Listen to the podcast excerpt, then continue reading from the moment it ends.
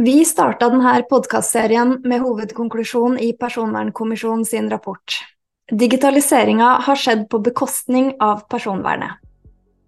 Og at det er på tide med en helhetlig personvernpolitikk for å sikre at digitaliseringa går i riktig retning. Vi har kalt denne episoden 'Teknologi i personvernets tjeneste', som har en positiv klang. Det er òg tittelen på et av de siste kapitlene i Personvernkommisjonen sin rapport. I denne episoden skal vi utforske hvordan grep en eventuell personvernpolitikk må ta for å sikre at teknologien blir personvernets venn, og omvendt.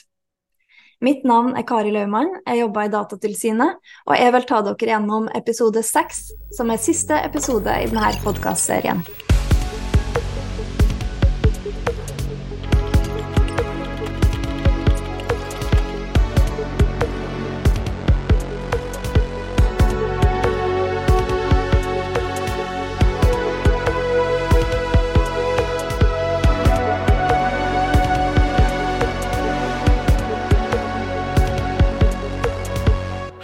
Jeg heter Veronica Jarnskjold Buer, og jeg er avdelingsdirektør for teknologi, analyse og sikkerhet i Datatilsynet.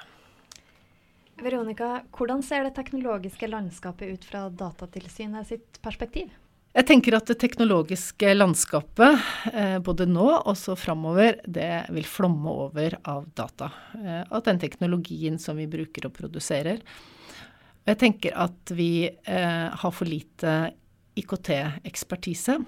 Og jeg tenker at de fleste av oss eh, vanlige folk, vi vil ha for lite kunnskap uh, og ferdigheter for det vi går inn i, og all den teknologien som vi har. Det kommer jo veldig mye ny regulering og lovverk fra EU, og et av de eh, lovverkene handler om nettopp det om å dele data. Så når vi har masse data, så ønsker vi å dele dataene ulike formål, også på tvers av sektorer.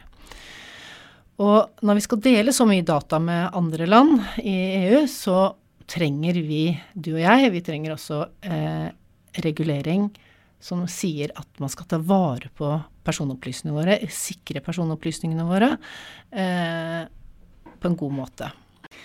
Så eh, hvis vi tenker på at eh, i 2018 så var det så mye data at vi kunne putte fem, hvis vi senker 512 gigabyte på et nettbrett, og så putter vi nettbrett på nettbrett med 500 gigabyte oppå hverandre, så kunne vi bygge et tårn som nådde helt til månen.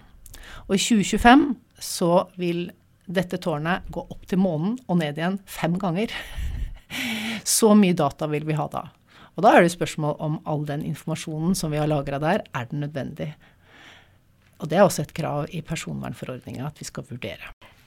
Fremover, hva slags type teknologier tror du utfordrer personvernet mest? Jeg tenker jo at uh, eh, KI, eh, som vi ser allerede nå den, den, Altså kunstig intelligens? Ja. Kunstig intelligens, den vil selvfølgelig uh, prege oss framover. Eh, men jeg tror eh, også at eh, det med å dele data, det vil være en utfordring. Og det er også noe som EU e heiser opp som en av utfordringene. Videre så tenker jeg også at den neste generasjonen av Internett og things, altså alt dette som vi kobler til av klokker og pulsmålere og alt mulig, det vil generere igjen masse personopplysninger. Det vil være en utfordring. Men også den teknologien som er både avhengighetsskapende og altoppslukende. Det tror jeg vil bli en utfordring for oss. En annen utfordring, eller en konsekvens, det er også dette med sikkerhetshendelser. For vi, eh, trusselaktører og vinningskriminelle, de bruker jo da eh, selvfølgelig den samme teknologien, og ligger ofte i hvert fall like langt framme som eh, forskere. Eh, men de vil bruke det i digitale angrep. Og det vi ser er jo at de fleste, eller kanskje alle digitale angrep, så er det den menneskelige faktoren og menneskelige person, altså data fra mennesker, altså persondataopplysninger, som er helt sentralt for å gjøre et godt digitalt angrep. Du har kanskje hørt at noen snakker om innebygd personvern, eller personvern som standard. Men hva betyr egentlig det? Innebygd personvern betyr at personvern bygges inn fra start i all utvikling av systemer og løsninger. Formålet med innebygd personvern er at systemene skal ivareta personopplysninger på en god måte, som gjør det lett og forutsigbart for den som bruker systemet, å ivareta sine rettigheter. Innebygd personvern er et krav i personvernregelverket, som betyr at alle leverandører av teknologi må sørge for å ha det. Én ting er at loven stiller krav, men hva skjer i praksis? Vi ser at forskjellige teknologi innføres i samfunnet i et forrykende tempo. Og ofte på måter som påvirker både enkeltindividet og samfunnet som helhet. Og ikke minst personvernet. Trenger vi noe mer enn lovregulering for å styre teknologien i riktig retning? Det skjer masse på den teknologiske fronten. Um, nå sist har det vært en stor utvikling innen kunstig intelligens. Um, har du inntrykk av at det finnes en sånn helhetlig tanke bak digitalisering i Norge? Noen ganger så tror jeg at man kanskje digitaliserer for å digitalisere, uh, og kanskje ikke har en plan. Det er vel noe jeg har sett uh, i skolen, at de har på en måte gitt folk og barn nettbrett framfor å eh, ha en plan med eh, å se på hva som er det beste å gjøre, og hvordan, hvor går disse dataene, dataflyt, eh, og ivareta det digitale eleven eller mennesket. Um, og så tenker jeg at uh, vi, vi, er jo litt sånn uh, bedagelige, vi uh, mennesker. At i begeistringen over ny teknologi som kan gjøre masse for oss, skape et mer effektivt samfunn, gi oss enklere liv, avdekke kriminalitet, så tenker vi at det er veldig lett å glemme at også algoritmer og software og sånn, det finnes lover. Og det er lover som må følges. Og vi mennesker, vi er ansvarlig for at vi skal styre teknologien i en riktig retning. Eh, det er ikke teknologien som styrer oss. Og her har vi personforordninga igjen som stiller krav til teknologien. Så det er ikke uten regler og krav. Eh, og da, når vi skal digitalisere og eh, ha en plan, så er det jo og det skal bli en suksess, så tror jeg det er veldig viktig at vi tar med oss inn i digitaliseringen, transformeringa, eller hva det er, eh, personvern. Eh, ditt og mitt personvern må respekteres. Du nevnte det med lover og regulering og personvern. Mm. Har vi de lovene vi trenger i dag for å regulere teknologien? Ja, vi har regelverk som regulerer eh, teknologi og algoritmer, altså personvernforordninga, men det kommer jo nye regelverk også fra EU som, skal, som ytterligere regulerer det. Og I tillegg så har vi det innen helse, innen justis. Eh, eh, men der ser vi også kanskje at regelverket må oppdateres. Hvordan grep kan vi ta for å sørge for at teknologien vi bruker, ivaretar personvernet på en god måte? Ja, Det er jo kanskje flere ting. I Datatilsynet så har vi hatt en konkurranse i fem år eh, som het Innebygget personvern i praksis. Og den eh, var jo et bidrag til at vi skulle oppmuntre folk til å tenke innebygget personvern i det de utviklet. Og det var én pris for virksomheter, og så var det én pris for studenter. For akademia er en veldig viktig sektor for oss. I tillegg så har vi hatt Sandkassa, som jeg nettopp nevnte, eh, hvor vi har hatt mange prosjekter og har en dialogbasert eh, samtale med de som har vært i sandkassa vår, og så sett på hvordan kan innovasjon og bruk av kunstig intelligens kombineres med personvern. Og det går veldig bra. Så vi har hatt en veldig god dialog. Vi har lært mye, og de har lært mye for hvordan innebygd personvern kan være i framtiden og i digitalisering. Og når du sier det går veldig bra, betyr det at det går an å få til personvern i eh, avansert teknologi? Ja, det tror vi, og det har det vi har sett. Og så, som jeg også nevnte, så ser vi også at det er noen, som, noen hindrer som man må kanskje jobbe med, men at det går bra å gå hånd i hånd videre framover i det digitaliserte samfunnet? Ja, absolutt. En annen ting som jeg tenker er viktig, og kanskje kan ha stor effekt, det er jo det å drive tilsyn på teknologi. Vi ser at dette tilsynet som vi har hatt nå med kommunene, og vi har sendt ut brev til mer enn 100, eller ca. 100 kommuner, det har hatt en effekt på også de som ikke har fått brev. Fordi vi har samtidig sagt at vi ønsker etter dette å gå på stedlig tilsyn til andre kommuner, eller noen av de som vi har sendt brev til. Og da er det veldig mange kommuner som har tatt den øvelsen og forberedt seg og oppdatert sine systemer med informasjonssikkerhet, som kanskje var en mangelvare hos dem.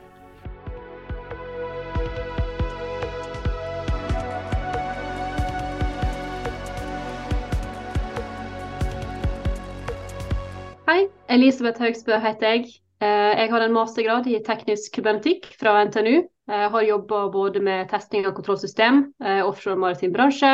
Jeg har jobba inn mot eh, dataplattform, men mest innenfor IT-sikkerhet. Og, og, nå så er jeg òg president i Tekna. Elisabeth, hva er det viktigste som skjer akkurat nå innen teknologiutviklinga, og hvordan tror du teknologien vil påvirke oss i årene som kommer? Ja, det, tenker det viktigste som skjer nå, er at eh, jeg opplever at flere og flere tar i bruk teknologien som, som har vært tilgjengelig eh, i relativt lang tid, egentlig. Eh, men jeg tror vi har stått, også, stått, litt på hoppkanten og tenkt at ja, vi må se litt på hvordan de andre gjør det. Kanskje vi andre gjør det litt bedre. Jeg vet ikke helt hvordan jeg skal gjøre det sjøl. Eh, men, men jeg opplever en sånn litt sånn teknologioptimisme. I, i, alle fall, eh, i, alle fall, i de områdene som, som jeg eh, jobber primært i. Eh, og, og, det er kjempebra, fordi at du kan ikke finne ut av, av en ting uten å prøve noe.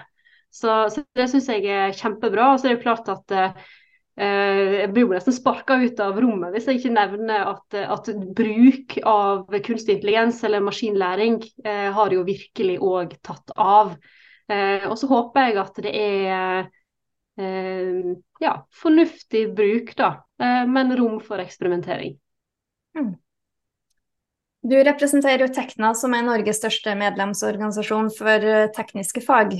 Hvordan står det til med den teknologiske kompetansen i, i Norge? Er vi rusta for det som kommer? Eh, ja, nå sa jeg jo at jeg var optimistisk, da. Eh, men, men, akkurat der så er jeg kanskje litt eh, Ja, hva skal jeg si? Eh, litt forsiktig optimistisk. jeg opplever at den norske befolkningen er, er, åpen for å bruke teknologi. og det er jo kjempebra, det er jo en forutsetning til at vi kan bygge løsninger. Men jeg opplever òg at vi skorter veldig på teknisk kompetanse i den generelle befolkningen. Eh, vi har masse folk som har lang og, og brei og djup teknisk erfaring, men det er ikke nok av dem. Eh, og, og, den generelle tekniske forståelse, eller den, den, den, opplever jeg altså ikke er til stede i, i litt for stor del av befolkninga. Og det er bekymringsverdig. fordi at hvis ikke du forstår hvordan teknologien, i alle fall på et høyt nivå, fungerer, så greier ikke en å stille kritiske spørsmål. En greier ikke å eh, og tenke at hm, det var kanskje litt rart, eller det var kanskje litt dumt. Skal jeg spørre noen om det? Jeg bare tenker, ja, men bare gi det til meg, og så skal det bare fungere. Og Apropos kompetanse. Um, vi, hvis vi ser på virksomhetene i Norge som behandler personopplysninger, um, har du inntrykk av at personvern oppfattes som et hår i suppa, eller er det noe som uh, typisk Teknas medlemmer mener ja, selvfølgelig må vi ha ha med det på laget, og det får vi til? Ja, jeg opplever at det, det blir en liten sånn festbrems. Eh, men, men så tenker jeg at det er fordi at en kanskje ikke helt tar inn over seg hvorfor det er viktig. Eh, og, og, det er jo viktig fordi at en har f.eks. rett til å bli glemt.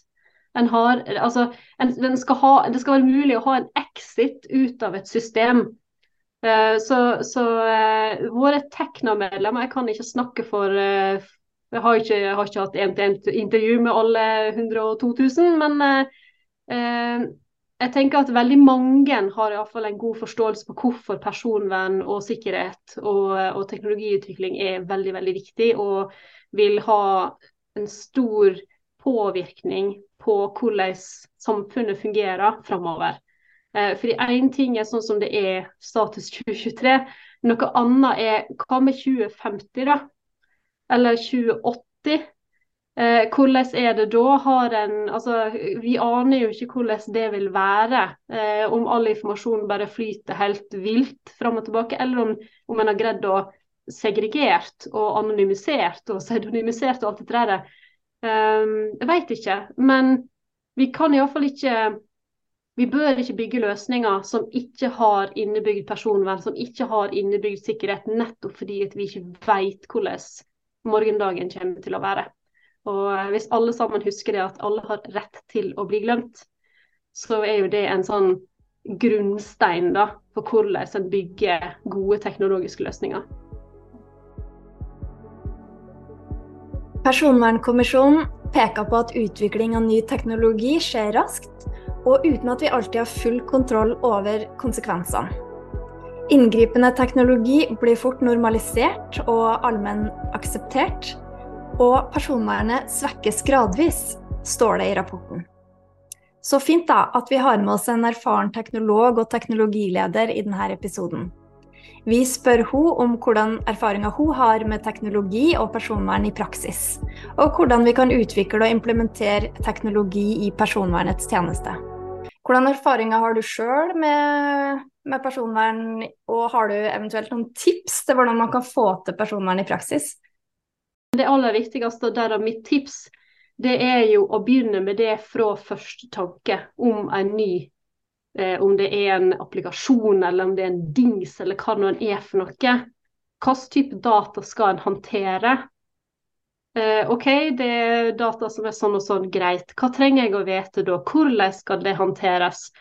Uh, og det samme med sikkerhet. Jeg, ikke, jeg må på en måte tilbake til det òg. fordi at personvern og sikkerhet henger jo, eller IT-sikkerhet eller OT-sikkerhet, det henger veldig sammen. Uh, for det handler jo òg om oversikt og kontroll. Uh, og, og, hvis en greier å begynne å planlegge det allerede samme, samtidig som en har ideen om bruksområdet, så vil en være mye bedre rusta til å velge de rette tekniske løsningene i rett rekkefølge, sånn at det faktisk blir innebygd. For sånn som det er nå, så er det sånn ja, du har en idé, kjempebra idé, så jobber du veldig med ideen. For det er jo spennende. Det er jo løsninger. Og, og dessverre, ingeniører, jeg er ingeniør sjøl, løsningene er jo kjempespennende. det, er liksom, det, er jo rosiner i pølsa og gulrota og alt som er. Eh, og så er det, jo hvordan skal du komme deg til løsninger fortest mulig. Så det er på en måte den innebygde ingeniørtankegangen. Eh, så derfor så må du ha inn eh, et tverrfaglig gruppe allerede veldig tidlig. Eh, og, og, dermed så får en jo en løsning som både er mer robust, bedre gjennomtenkt, eh, sikkert ikke like kjapt ute i markedet, Eh, eller det spørs, da. Hvis du må gjøre om igjen alt arbeidet rett før du skal til markedet, så vil det i hvert fall ikke gå fortere. Eh, men du vil i hvert fall få en løsning som kanskje òg til og med er bedre for større andel av befolkningen. Eh, hvis du får inn rette kompetansen allerede helt, helt tidlig. og det, det, tror jeg er en feil som veldig mange gjør. At de tenker ja, men skal bare jobbe litt mer med ideen, og så tar vi det andre etterpå. Eh, men, men, mitt råd er at ta det med en gang, eh, og så stegvis. Det var en veldig god reklame for innebygd personvern. I praksis. Ja. Eh, jeg lurer også på hva slags befatning har Tekna med personvern, og hvorfor er det en interesse for personvern i Tekna? Det er jo fordi vi er opptatt av framtida. Vi er opptatt av løsninger som står seg over tid. Vi er opptatt av løsninger som skal være på samfunnsnivå. Eh, vi er opptatt av eh, ja, at det, at det, skal være forsvarlig, at det skal være rett, at det skal være eh, for alle. og da er jo personvern veldig veldig langt oppe på den ønskelista, eller på den der, ja, mållista. da. Jeg vet at dere jobber politisk, dere jobber opp mot Stortinget og regjeringa for de tingene dere engasjerer dere i. Eh, hva slags erfaringer har dere med politikere og politiske prosesser når dere snakker om teknologispørsmål? Mm. Eh, Tekna er jo politisk uavhengig. Eh, og Det betyr at vi ikke støtter et spesifikt parti. Eh, og det gjør, også, det gjør, jo òg at vi har spillerom til å snakke med alle. Eh, og vi vi opplever at, uh, at, alle faktisk lytter. Nettopp fordi at vi ikke har noen sånn spesielle band eller uh, avtaler eller et eller annet sånt. Vi snakker jo Vi løfter den teknologiske stemma inn til politikken. Eller iallfall det vi prøver å gjøre. Og, og, vi har opplevd at, at det blir tatt veldig godt imot. Det kommer et, et bredt spekter av politikere kommer når vi har frokostseminar på Stortinget f.eks. De, uh, de, kan ta kontakt med oss for å få uh, tekniske forklaringer på, på, ting og tang, sånn at de kan gi opp meninger eller snakke med media på en bedre måte. Det har vi bidratt inn med. Uh, og, og, det oppleves uh, veldig givende. Og vi opplever at, de, at politikerne syns at, at det gir dem noe. At det gir dem litt mer innsikt. litt mer tyngde når de skal mene noe. og kanskje spesielt de, de partiene som ikke har flertall, er veldig på, på leiten etter, etter gode Eh, innspill som de kan ta med seg inn til, eh, til Stortinget. Hvordan eh, er teknologikompetansen hos norske politikere? Varierende, kan jeg vel si. Det finnes, jo, det finnes jo politikere som har naturvitenskapelig bakgrunn. Kanskje litt lenge siden. Men, men jeg opplever jo at, at nysgjerrigheten iallfall er der. Eh, og så trenger en jo ikke nødvendigvis ha en lang og tung erfaring innen teknologi for å kunne forstå det, men en må jo kunne bli forklart på en god måte hvordan ting henger sammen og hva som kan være konsekvensene. Og så må en jo selvfølgelig være mottagelig for den type informasjon. at en må ønske å Eh, å få vite noe om det, eller ønske å, å, faktisk ta det inn over seg og ta det med inn i politikken, eller når en skal bestemme ulike ja, nye avgjørelser, eller hva nå er. Og Personvernkommisjonen foreslo en nasjonal personvernpolitikk. Og Hvis du er med på den tanken, hvilke konkrete grep bør politikere ta for å sørge for at godt personvern blir med på de teknologiske løsningene?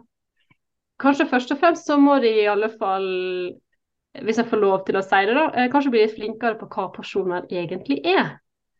Eh, det er kanskje første, første ønsket mitt til deg spesifikt. da. Eh, fordi at vi, vi har jo politikere som, som, som sitter på valg.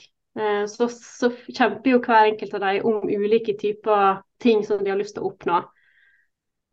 Hvis alle sammen kunne være enige om at det her er viktig, og det her skal være et premiss uansett eh, hvilken regjering vi har, så vil det her gå mye bedre enn at det kommer inn og ut hvert fjerde år eh, eller åttende år eller et eller annet sånt. Eh, jeg tenker det vil være veldig, eh, veldig mye lettere å manøvrere hvis det ligger til grunn, eh, istedenfor at det er liksom hvis flertallet var slik og sånn, så ble det med eller ikke med i årets budsjett.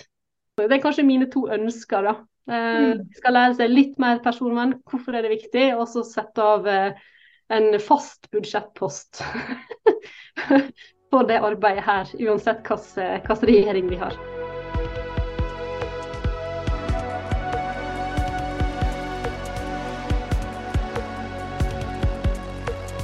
NOU-er eller Norges offentlige utredninger, sånn som den rapporten som Personvernkommisjonen leverte sist høst, skal drøfte spørsmål som egentlig er litt for stor for politikken. Det er basert på en tanke om at politikerne trenger sakskunnskap og innspill fra fagmiljøer. Det er ikke minst tilfellet når det gjelder teknologi og personvern. Vi i Datatilsynet mener at det er på tide å knytte politikk til den teknologiske utviklinga, hva kan politikken gjøre for å sørge for at bruk av teknologi ivaretar verdiene vi ønsker å ha i et fritt, åpent og demokratisk samfunn? Nikolai Astrup, jeg er stortingsrepresentant for Høyre. Nikolai, er du enig i Personvernkommisjonens påstand om at eh, digitaliseringa har gått på bekostning av personvernet? Jeg mener i hvert fall at det kan gjøre det. Det er uh, utrolig viktig at man tar uh, hensyn til personvern når man uh, tar i bruk nye tekniske og digitale løsninger. og Der har vi nok kanskje ikke vært gode nok alltid. så det er en potensiell konflikt der, og det må tas på alvor fra, fra start.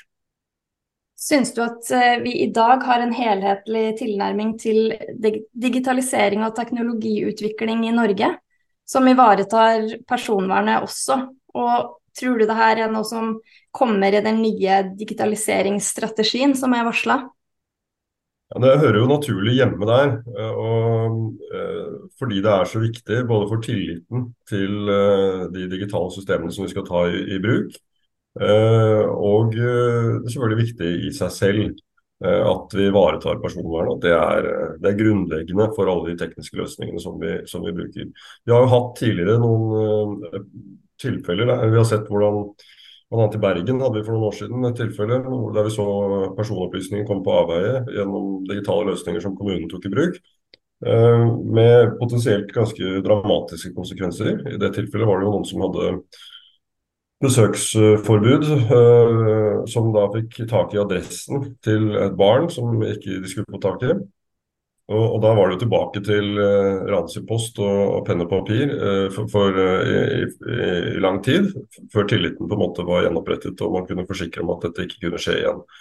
Så Det er bare ett eksempel, og det er mange sånne eksempler. Men det viktige er at du tar hensyn til personvern når du lager løsningene. Og det er innebygget fra, fra start.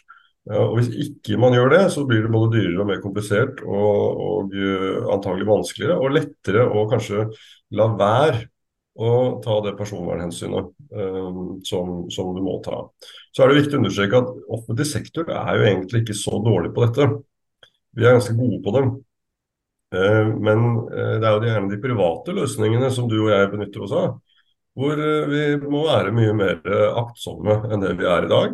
Og hvor jeg tror kanskje mange ikke er bevisst hvor mye data om seg selv som man gir bort. Eh, du var digitaliseringsminister. Jeg tror det var landets første, eh, faktisk. Og i dag har vi ikke en dedikert digitaliseringsminister. Syns du vi trenger det? Absolutt, det syns jeg vi trenger. Jeg syns det var en meget klok avgjørelse å ha en digitaliseringsminister. Og Det var jo eh, det, det var ikke min beslutning, det var Erna Solberg som bestemte at vi skulle ha det. Og Det mener jeg var klokt av flere grunner. Og En av grunnene til det er at digitalisering er jo et område som går på tvers av alle, av alle fagområder. I, Norge så har vi et sektor og, altså et veldig sterkt sektorprinsipp i norsk forvaltning. Det er det mange gode grunner til. Til syvende og sist så skal du kunne stille noen til ansvar. Og Det er gjerne statsråden som da må gå av, uavhengig av hva vedkommende har gjort. så så det er, et ganske godt prinsipp som har stått seg godt. Men digitalisering er et område som brer seg inn på absolutt alle områder. Og det er behov for noen som koordinerer denne innsatsen, ser det i sammenheng, og ikke minst bidrar til at det utvikles digitale løsninger som gjør det mulig å snakke på tvers av forvaltningsnivåer. Eh, I Norge så altså Hvis du er øh, syk f.eks., så, så spiller det jo ingen rolle for deg om det er kommunen eller fylkeskommunen eller staten som leverer en tjeneste. Det som spiller en rolle, er at du får en tjeneste, at den holder god kvalitet, og at du får den når du trenger den.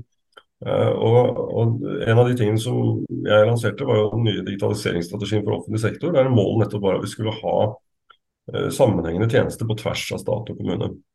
Og Da trenger du noen til å koordinere det arbeidet og til å drive det fremover. Uh, så Det mener jeg var, var viktig. Og så er det jo også et stort potensial for å ta i bruk nye, nye, digitale løsninger for å løse oppgavene på helt nye og langt bedre måter enn det vi gjør i, i dag. Vi vet at vi har arbeidskraft er en knapp ressurs, eh, og at offentlig sektors andel av økonomien ikke kan vokse inn i himmelen.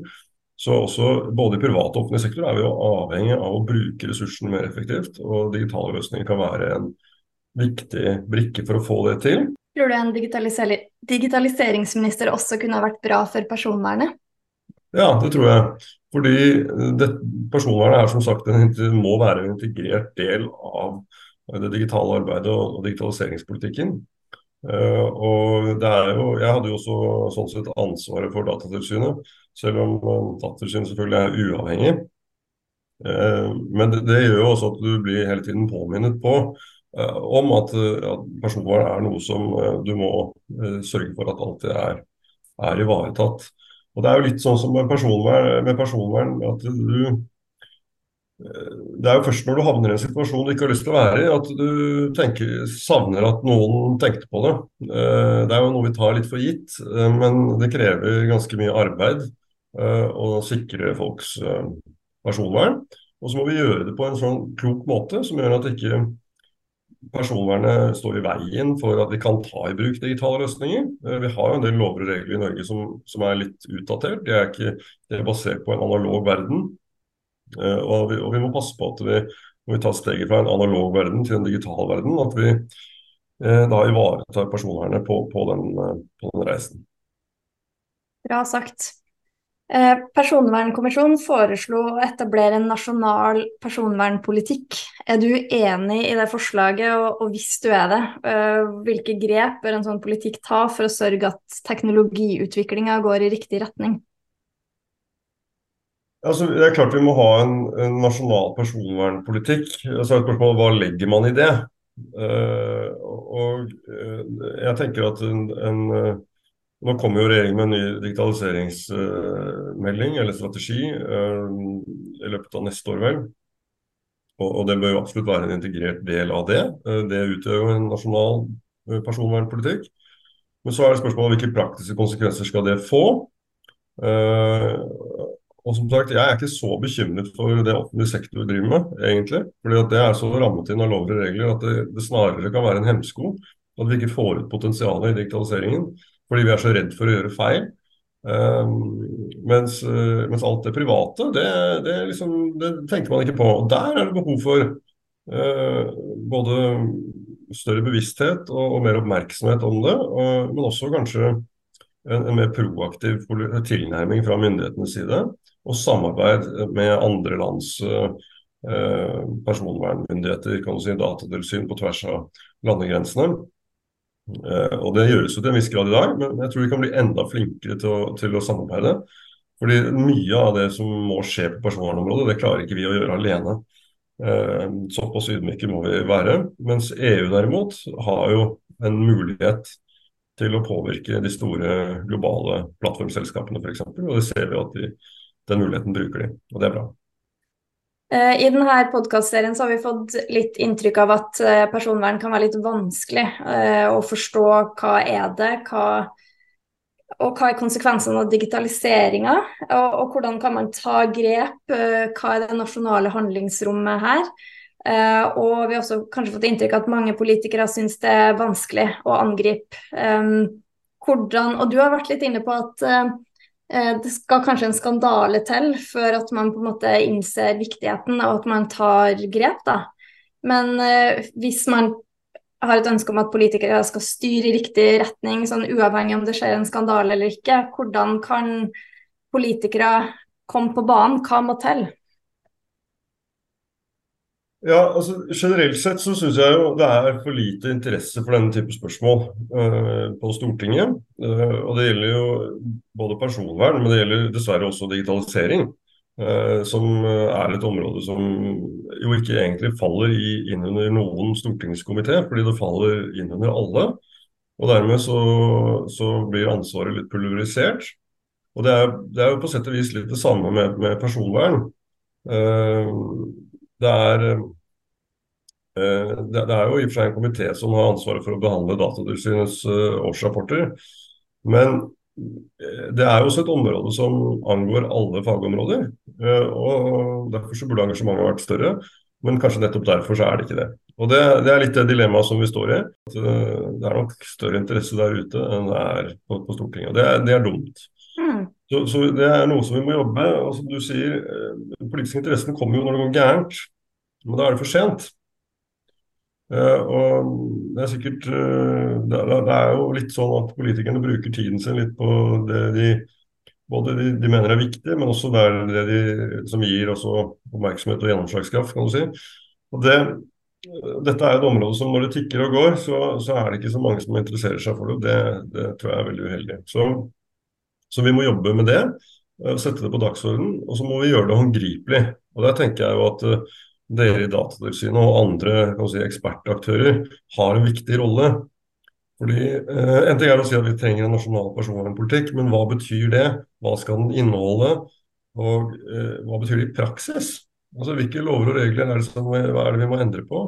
Eh, på hvilken måte skal vi ta høyde for dette når vi lager nye digitale løsninger?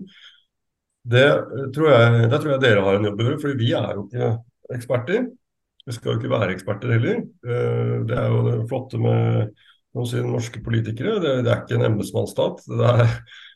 Vi er et tverrsnitt av befolkningen, og vi, vi kan du si representerer Uh, representerer det folkelige skjønnet inn i systemet. Og det er jo ikke systemet ut i folket, det er, liksom, det er der vi skal være. og Det betyr at vi er avhengig av kvalifiserte faglige gode innspill fra, fra de aktørene som, som kan det.